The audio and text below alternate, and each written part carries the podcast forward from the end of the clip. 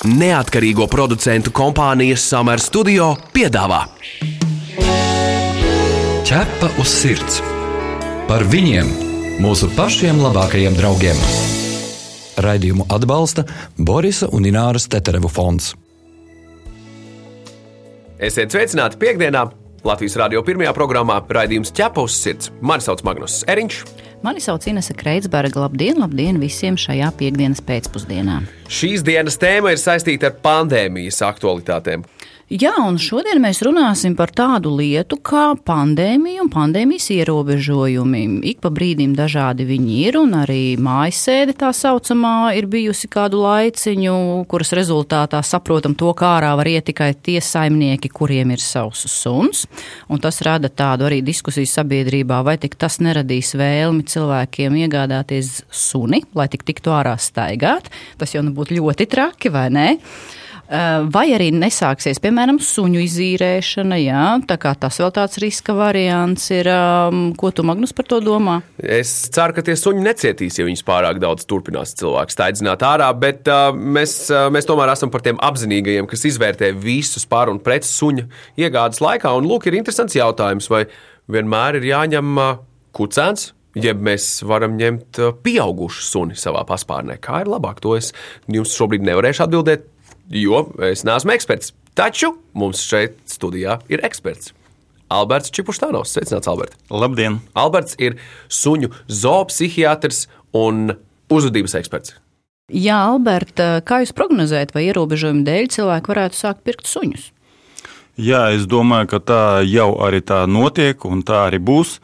Bet ar laiku es ceru, ka cilvēki sapratīs, ka tomēr tie suņi ir diezgan liela atbildība un kaut kādi naudas tērējumi, un tad varbūt tas var samazināties. Un par to, kā tomēr iegādāties un ko labāk, par to mēs padiskutēsim, bet vispirms noklausīsimies mūsu kolēģis Jānis Vītoliņas sagatavoto sižetu. Ķerpa uz sirds skaidro faktus.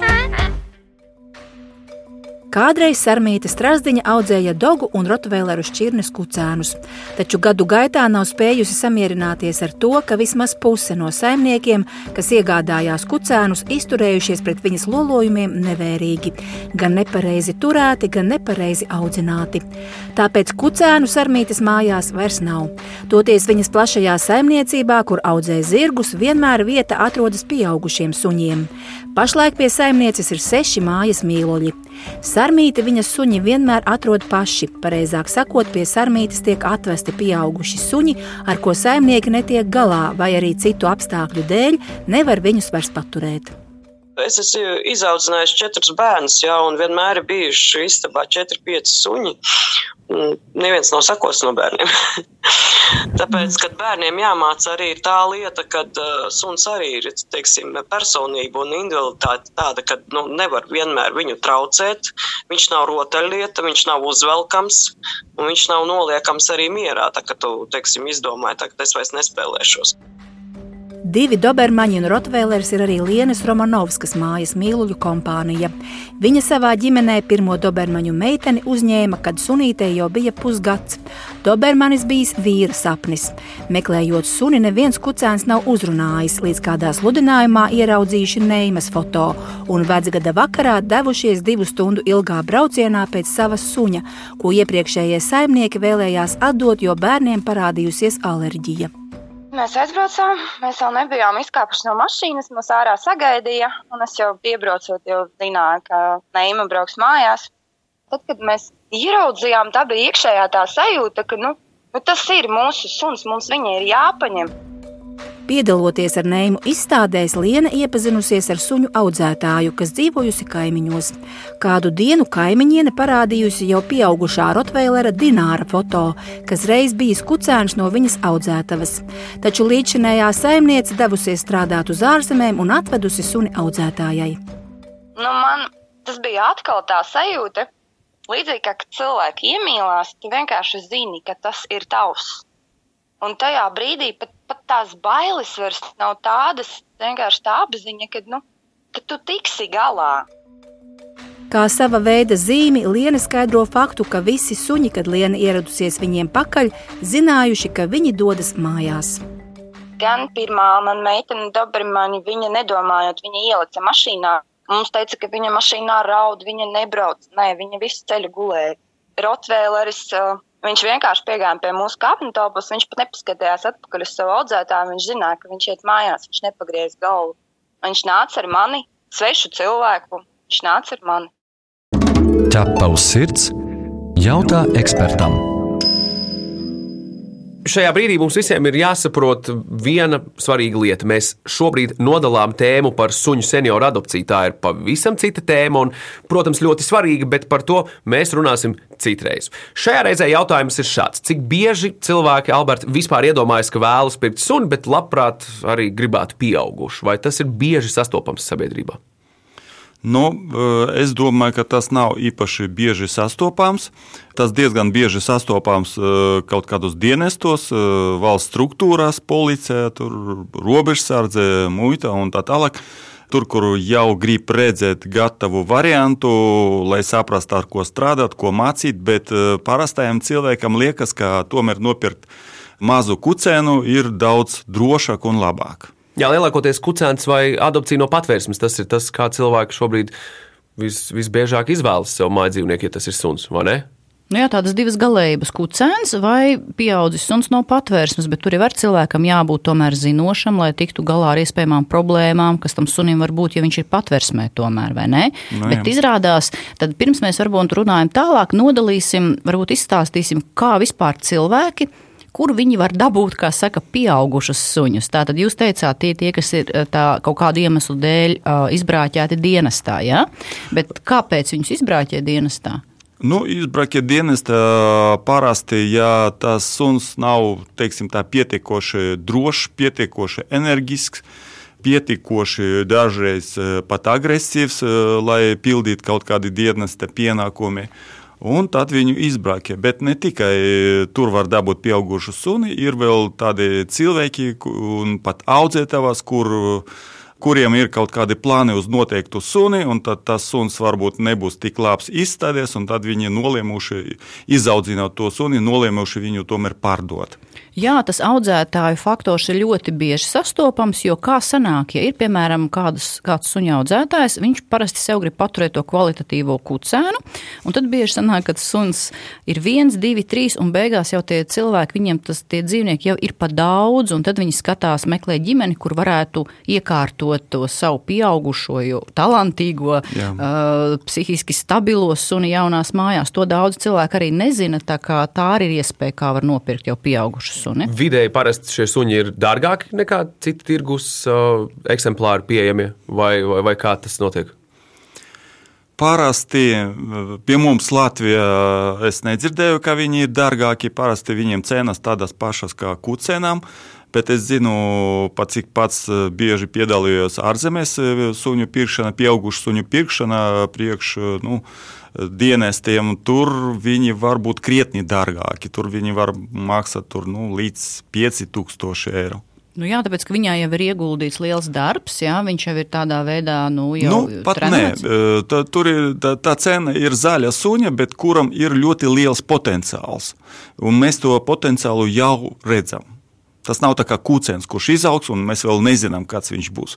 Bet te mēs jau redzam, kāds ir suns, un mēs zinām, ko mēs no viņa gribam redzēt ar laiku, iemācot, bet uh, viņš būs spējīgs. Tātad jūs jau savā ziņā tā ir spekulācija uz to, ka ar šo sunu viņš daudz iemācīsies, un viņa vērtība pacelsies. Jā.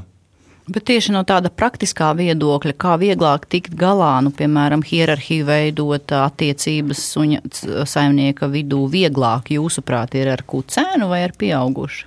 Vieglāk Cilvēkam ir iesācējiem. Jā, vieglāk ir ar pieaugušu suni. Tur nebūs tas kucēnu vecums, kurš uh, skaitās nu, tā saucamais melnais darbs, kur vajag ļoti daudz ieguldīt, kur vajag visu, ko uh, viņam iemācīt. Bet var nopirkt jau gatavu suni, kurš jau var izturēt un nečirāt kā, un kākāt mājās, kurš zina kaut kādi dzīves noteikumi, un viņš jau ir pozitīvs, un mēs to redzam, ka agresijas nav. Tad attiecīgi ar viņu būs diezgan viegli sadzīvot. Kādam, kāda tipa cilvēkam var būt vairāk piemērots kucēns un kam tieši pieaudzis suns? Tas kaut pēc kaut kāda sociālā statusa vai pēc mājasemniecības locekļu skaita? Kā jūs ieteiktu? Es domāju, ka pieaudzis suns būs vairāk piemērots cilvēkam gados. Bet uh, kūciens tieši jaunajam cilvēkam, kuram ir gan grība, gan spēks ar viņu daudz staigāt, spēlēties, ņemties, iet kaut kādās apmācībās, un tāda veida viņu tā izaudzināt par labu draugu sev. Domājot par potenciālo ģimenes mīluli, Alberta, vai vispār var noteikt dzīvnieku raksturu un piemērotību pirms vēl esam to paņēmuši pie sevis? Jā, Noteikti. Kādā veidā? Un, uh, ir dažādi testi. Testējot suņus, mēs jau varam saprast uh, ar diezgan lielu procentu, kāds būs tas kucēns vai nu, pieaugušs suns pēc testēšanas. Un testa laikā mēs skatāmies, ja runājam par kucēniem, tad uh, mēs uh, testu parasti uh, mani sauc, uh, lai es testētu kucēnus, kad viņiem ir septiņu nedēļu vecumā. 49. diena pats labākais laiks, kad viņš jau pietiekoši daudz attīstīts, bet apkārtējā vide vēl uh, nu, neietekmē tā kūcena uzvedību. Tad mēs redzam nu, tā kūcena būtību, kāds viņš ir. Un tad tajā testā mēs skatāmies, cik viņam vajag cilvēku, cik viņš grib uh, būt kopā ar to cilvēku, cik viņš grib vai negrib spēlēties, cik viņš ir dominējušs vai nav dominējušs. Un izjūt no tā, šiem visiem aspektiem, mēs jau varam plānot, kā mēs šo kucenu varam iedot uh, ģimenē, kur nav bērnu, ja viņš parāda, ka viņš diezgan tā varbūt agresīvs un dominējušs. Un uh, tieši otrādi, ja viņš ir ļoti pakļāvīgs, tad uh, varam plānot to kucēnu atdot ģimenē, kur cilvēki gados un kur cilvēki ar maziem bērniem bet uh, tas pakļāvīgums vai dominance nav atkarīgs no suņa šķirnes. Tas ir vienkārši no rakstura. Ja? Tā jā, kā cilvēki ir introverti, ekstraverti. Jā, tādi. tas ir vienkārši rakstura īpašība. Jā, temperaments. Piemēram, kā, nu, vismaz vienu testu, kā tas praktiski izskatās, kā pārbauda suni. Pucēnu. Jā, parasti testu obligāti jāveic svešajam cilvēkam. Nedrīkst tam cilvēkam būt pazīstamam tiem kucēniem, tāpēc ka tad viņš būs ļoti subjektīvs, viņi savādāk reaģēs uz to cilvēku. Un parasti tur ir tā kā tukša istaba. Saimnieks ienes e, kūcenu un atstāja aiz durvīm, aiztaisīju durvis ciet, un e, viss tā istaba paliko es un kūcens. Tad es vienkārši sēžu uz grīdas un gaidu, ko viņš dara, novēroju. Dažreiz kūcens var palikt pie pašām durvīm un nekur viņš baidās iet tālāk. Dažreiz kūcens var droši iet uz priekšu un tur skatīties, kas notiek apkārt, bet e, citi kūceni ieraugot mani, saprotot, o, oh, re, kur cilvēks, uzreiz skrien pie manis un lēc virsū un grib uzreiz kontaktēties. Tas jau ir pirmais etaps. Otrais, es vienkārši piecēlos un tāds staigāju pa to istabu un skatos, vai nu viņš iet man līdzi, vai nu neiet līdzi. Un ir tie e, kucēni, kuri vispār neatkāpjas ne uz vienu soli no manas kājas, un ir tie, kuri pilnīgi mani ignorē un, pilnīgi, un iet cita virzienā, un neko viņš e, vispār negrib ar maniem kontaktēties. Es tajā laikā, protams, ar viņu mierīga balsi runāju, es viņu paglaudu, es viņam nu, radu maksimāli pozitīvu, lai neizsauktu kaut kādas bailes. Tāpēc, ka, ja būs bailes, tad, nu, protams, tad tests nebūs pareizs, viņš nebūs adekvāts. Pēc tam es skatos, cik viņš ir dominējošs. Tur ir tā, ka es varu viņu apgāzt un nolikt uh, uz grīdas, nu, ar muguru uz grīdas. Un tad es skatos, kā viņš vai nu viņš padodas, vai viņš pretojas. Daži kucēni pat var tajā brīdī sakt kost man, ja viņam nepatīk tā pozīcija. Pēc tam es varu viņu pacelt uh, un turot rokas, un tad arī skatos, kā viņš uz to reaģē, to pacelšanu, vai nu viņš pretojas vai nu nepretojas. Tad es mēģinu viņu apsēdināt un uh, tā kā glaudu pa muguru no augšas uz leju ar tādiem, kā nu, bišķiņu ar tādu kas piedienu nedaudz tā agresīvi glaudu viņu. Un tad arī skatos, kāda būs kucena reakcija. Un visi šie trīs momenti parāda, cik tas suns turpmāk būs dominējuši vai nebūs dominējuši. Un ja suns visur parāda ļoti aktīvu uzvedību, tad nu, tādu suni nedrīkst eh, dot ģimenei, kur mazi bērni un kur uh, varbūt cilvēki gados. Ķepa uz sirds, suņu būda. Alberts, pirms mirkli stāstījāt par arī tiem suņukiem, kur ir tramīgi, kuri neizvēlas iespējams tik atklāti vai nenākt un draudzēties. Kas tur ir noticis? Kāpēc suņiem ir šīs bailes, no kā tas rodas un vai to vispār var izārstēt? Jā, protams, ka tā ir problēma ar ģenētiku. Pirmajam kārtam. Un, ja ģenētiski viņam nu, tādam jābūt, tad viņš tāds arī būs. Uh, Un eh, zinot, ka viņam ir tādas problēmas, tad eh, cilvēkam, kurš viņu nopirks, tad vajag eh, maksimāli viņu socializēt, ļoti mierīgi radīt apkārtējo pasaulē, radīt viņam, ka tur nekā bīstama nav, ka viss ir pozitīvi, ļaut visiem cilvēkiem pabarot viņu, dot kaut ko garšīgu, lai veidojas pret cilvēkiem pozitīva attieksme, mācīt nu, kaut kādam skaņam, staigāt gar ielu un tur viņu arī piebarot un spēlējoties spēlēties ar viņu, ja viņš spēlējas. Un tādā veidā attīstīt viņu. Jā. Atgādinām, ka pie mums šodien ciemos ir dzīvnieku uzvedības eksperts Alberts Čipuštānaus, un mēs diskutējam par to, kā pareizi izvēlēties suni vai ņemt kucēnu vai jau pieaugušu. Šo radioraidījumu jūs varat dzirdēt arī podkāstu formā, populārākajās straumēšanas vietnēs, kā arī jebkurā sev ērtā mirklī atrast to Latvijas radio arhīvā. Ķerpa uz sirds, diskutē. Kas tieši suni kucēna vecumā visvairāk iespaido? Nu, tāda mēs sākām runāt jau par to uzvedību, ja, kad ģenētiski var iedzimt, bet vai ģenētiski var iedzimt agresija un bailīgums, jeb agresija ir ģenētiski iedzimta, bet bailes rada kādus konkrētus notikumus, piemēram, kucēnam? Nu, pārsvarā tā ir tomēr ģenētika. Tāpēc, ka divi dažādi kucēni no kaut kāda viena stimula, kurš vienam izsauc diezgan pamatīgas bailes, cits tam var vienkārši nepievērst uzmanību. Vai nu viņš var nu, uz kaut kādu brīdi būt stresa, bet pēc tam diezgan ātri par to aizmirst un turpināt pētīt tālāk, kas tur notiek apkārt. Nepievērst tam īpaši uzmanību. Es atceros tādu multfilmu uh, Gļāvais suns drosminieks, kas, ko rādīja televizora ekrānā, Cartoon Network.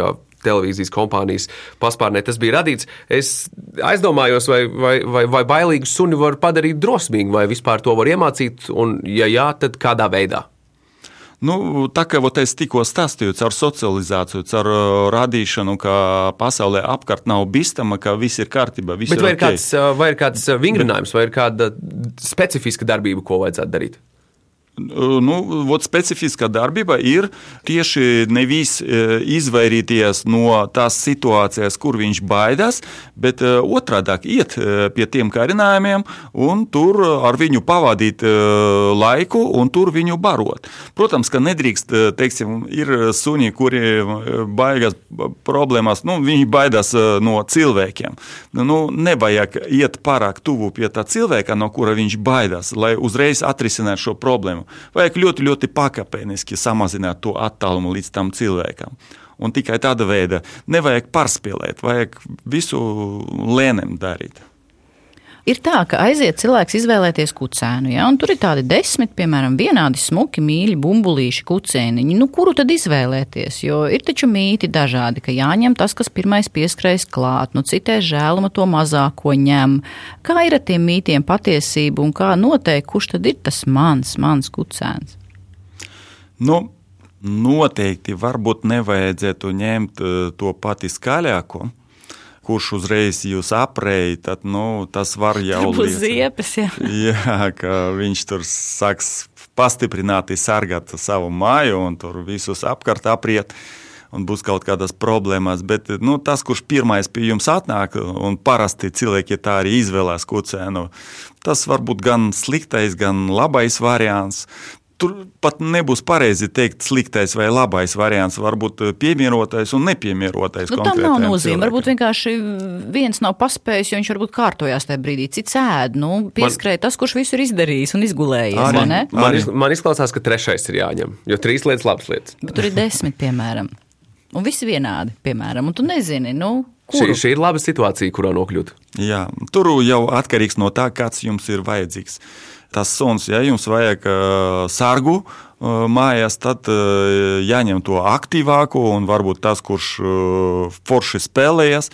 Ja mums, jums vajag, uh, lai viņš vienkārši kopā ar jums skatās televizoru, tad varbūt paņem to vismierīgāko, kurš vienkārši neko negrib, un viņam tāpat ir labi. Un, nu, izējot no tā, es domāju, arī jāvērtē to suni. Bet, ja jūs izmantosiet šo testu, ko es bišķiņu pastāstīju, tad vēl būtu labāk. Tu esi mans draugs, ķepus sirds.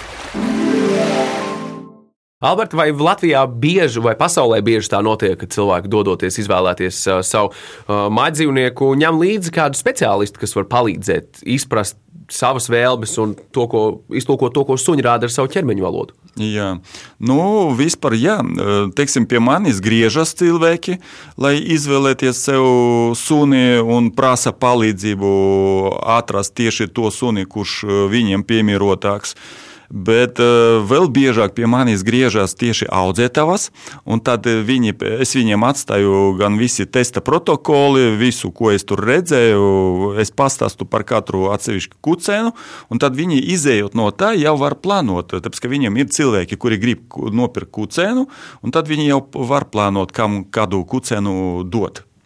Bet nu, ir dzirdēts arī tā, ka, ja, piemēram, suņu audzētājs nerāda tādu kucēna mammu, jeb tā mamma rūc ieraugot svešinieku, nelaiž klāt kucēniem, tad arī tad sanāk arī suņi izaugs agresīvi. Tas ir mīts vai patiesība? Jā, tas var būt tur liela, liels procents, ka suņi arī var būt agresīvi. Ja Tātad, audzētājs nerāda kucēna mammu, tas ir liels sarkans signāls, vai ne? Nu jā, tāpēc, ka mazajam kucēnam, perkot mazo kucēnu, ir ļoti vērtīgi redzēt gan mammu, gan tēti. Nē, nu viņi var parādīt to mammu, aizvest uz citu jā. istabu, vai viņa tagad nav atkopusies, ja nu tie audzētāji arī gudri jā, jau pastāstīt. Bet raksturu vienalga var redzēt, jā. Tātad viņi nedrīkst eh, rūkt, izrādīt kaut kādas sargāšanas pazīmes, jo tas zinat, ka tas arī varētu iedzimt kucē. Jā, varbūt pat paskatīties viņu neitrālajā teritorijā, tur, kur viņai nebūtu pamata lieku reizi izrādīt agresivitāti. Šķiet svarīgākais izvēloties kucēnu ir tas, ka vajag būt tai sapasībai, ja tā var teikt. Nu, ka tev saskan ar tavu suni. Kas ir visbiežākās kļūdas, ko cilvēki pieņem šajā laikā, izvēloties savus kucēnus, savus nākamos suņus? Nu, viņi izvēlas pēc izskata visticamāk. Ja? Nu, jā, viņi dažreiz izvēlas tikai pēc izskata. Dažreiz ir tā, ka nu, man iet klienti, vot, teiksim, kuriem dzīvo kakis mājās, un viņi izvēlās nu, kaut kādu taksi. Vai nu Džeku Raselu terjeru, kurš ir ļoti aktīvs un gatavs medīt to kaki, tad kā viņiem tālāk sadzīvot, un tad mēs runājam par ar, ko mums darīt tagad šajā situācijā, kad ja viņi jau ir nu, kaut kādās grūtībās. Un, Nu, teikt, kā, tā kā es minēju par tiem skaļiem uh, sūņiem, ka īpaši mazas šķirnes sūņiem ir uh, lielas problēmas nopērkot, kurš reaģē uz katru skaņu, kas ir aiz durvīm, un tad viņš rej. Bet cilvēks dzīvo nevis privātmājā, bet dzīvoklī, un tad kaimiņi jau Viņam jau apnika dzirdēt, un gribas pagulēt arī naktī. Nu, kaut kā tā. Bet vai vispār jāsapas uh, saimnieku un suņa raksturam? Uh, nu, taču arī cilvēki ir introverti, ir uh, ekstraverti, vai tam principā būtu jāsapas, ja tomēr ņemt pretējo, lai saimnieks arī var savu raksturu attīstīt. Tas arī ir interesanti. Kā tomēr jūs ieteiktu? Nu, jebkurā gadījumā, protams, ļoti jāskatās, kāds ir saimnieks, un viņam tad attiecīgi vajag piemeklēt to suni. Es zinu, ka teiksim, nu, dienestos tā arī dala tos suņus, kurus iepērk. Tad arī viņi skatās, kāds ir kinologs. Mierīgs vai nu ļoti aktīvs. Ja viņš ir pats ļoti, ļoti aktīvs, tad varbūt viņam nevajag tikpat aktīvu suni. Tad tur būs sprādziens kopā. Bet tad varbūt viņi nolasa viens otru no, no acīm. Varbūt. Jā, ja varbūt. Tas ir sprādziens. Jā, tad? jā varbūt. Bet, nu, Jā, vajadzētu būt kaut kādai sakritībai. Nē, es domāju, jūsu pieredze liecina par ko, ka kurš vairāk ietekmē otru suns saimnieku vai saimnieks suni tomēr, ja viņiem ir atšķirīgas tās vibrācijas un raksturi, kuri tad tomēr gūst to virsroku? Nu, tur abi ietekmē viennozīmīgi, un gan suns augot un mācoties dzīvot jaunai ģimenei, pielāgojas tiem dzīves apstākļiem, bet ja viņš, viņam ir diezgan stiprs raksturs, tad visai pārējai ģimenei vajag pielāgoties pie tā suņa. Un tas arī diezgan bieži es to redzu. À, kurš kuru? Jā, jā kurš kuru? arī ir pacietība. Jā, jā, jā, jā. Tāpēc tur ļoti svarīgi uzreiz iet skoliņa suņu skolā, lai iemācīties pašam saprast savu suni un iemācīt viņam būt paklausīgam. Jā, bet, Alberta, es tomēr gribu nu, saprast, ja, piemēram, cilvēks paņem jau pieaugušu sunu. Iedomājieties, tas suns, viņš visu mūžu dzīvojis savā ģimenē. Viņam trīs gadi vai četri, un tagad viņa atņem no tā mīļā saimnieka, un viņam jāiedzīvojas jaunā mājā. Cik tas ir smagi psiholoģiski, emocionāli tam pieaugušam sunim, un kā tam jaunajam saimniekam ar viņu darboties, un cik ilgā laikā tas suns var pierast, ka šis ir mans jaunais saimnieks. A, ja nu tā, ka viņš visu laiku gaida to veco saimnieku, tas arī ļoti grūti. Jā, parasti skaitās, ka tas adaptācijas laiks ir pusgads. Un principā pa lieliem sunim labi tur, kur ir labi. Tur, kur ir laba attieksme pret viņu. Ja visi uz viņu skatās pozitīvi, neviens tur pārāk viņam tur neaizliedz visu pēc kārtas, tad es domāju, ka viņam tur būs labi. Un ja cilvēks būs nu, pārāk rupšs un pārāk prasīgs pret to suni, ka viņam ot, nu, jābūt kaut kādam. Parasti nu, vislielākā kļūda, ka cilvēki saka, bet viņam jābūt paklausīgam, viņam jāzina, ko drīkst un ko nedrīkst.